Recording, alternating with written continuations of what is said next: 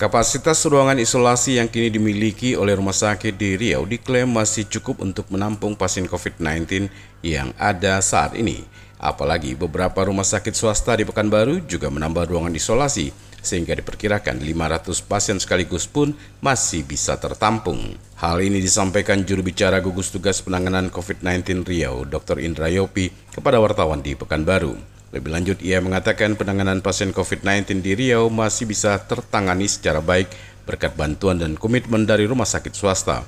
Kondisi inilah yang membedakan penanganan pasien COVID-19 di Riau dengan daerah-daerah lainnya. Beberapa rumah sakit swasta, terutama di kota Pekanbaru, menambah daya tampung untuk ruangan-ruangan isolasi pasien-pasien PDP maupun COVID-19 nantinya.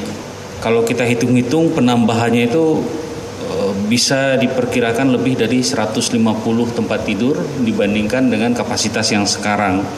Dan itu tersebar di beberapa rumah sakit e, besar, terutama bisa saya sebutkan di sini Rumah Sakit Awal Bros, Ayani, kemudian Rumah Sakit Awal Bros Panam, kemudian Rumah Sakit Awal Bros Sudirman, kemudian kemarin juga ditinjau oleh Ibu Kepala Dinas Kesehatan, Rumah Sakit Aulia juga menyatakan akan, baru akan ya, akan menambah uh, ruang isolasi. Kemudian Eka Hospital Eka Hospital sudah menambah ruangan isolasinya. Kemudian Rumah Sakit Ibnu Sina juga menambah ruang isolasi. Artinya dengan dengan bertambahnya ruangan-ruangan isolasi ini uh, membuat persiapan kita menghadapi badai COVID-19 ini menjadi lebih kuat. Karena kita melihat tren seperti ini kita belum melihat suatu potensi di mana kurva peningkatan itu mas sudah mulai turun tapi ini baru mulai naik. Nah kita nggak tahu akan kapan mulai puncaknya peaknya kapan kemudian turunnya kapan kita belum bisa memastikan dengan dengan pasti gitu ya. Tapi yang jelas persiapan-persiapan yang dilakukan Provinsi Riau sudah di dalam track yang baik gitu ya. Kemudian jadi gini, yang kita lihat kita juga begitu ada penambahan, tentu dari dinas kesehatan meninjau memastikan standar ruang isolasi itu memenuhi standar minimal standar minimalnya terpenuhi atau tidak. Kalau kita melihat kondisi rumah sakit yang menyediakan, artinya mereka bisa melayani pasien-pasien PDP yang ringan, sedang dan berat. Nah, untuk ventilator, nah ini yang jadi masalah. Ventilator itu nggak seperti yang kita bayangkan.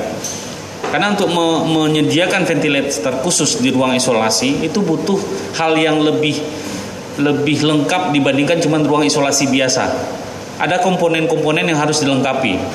Nah, kalau kita melihat kemarin di beberapa rumah sakit, mereka sudah menyediakan.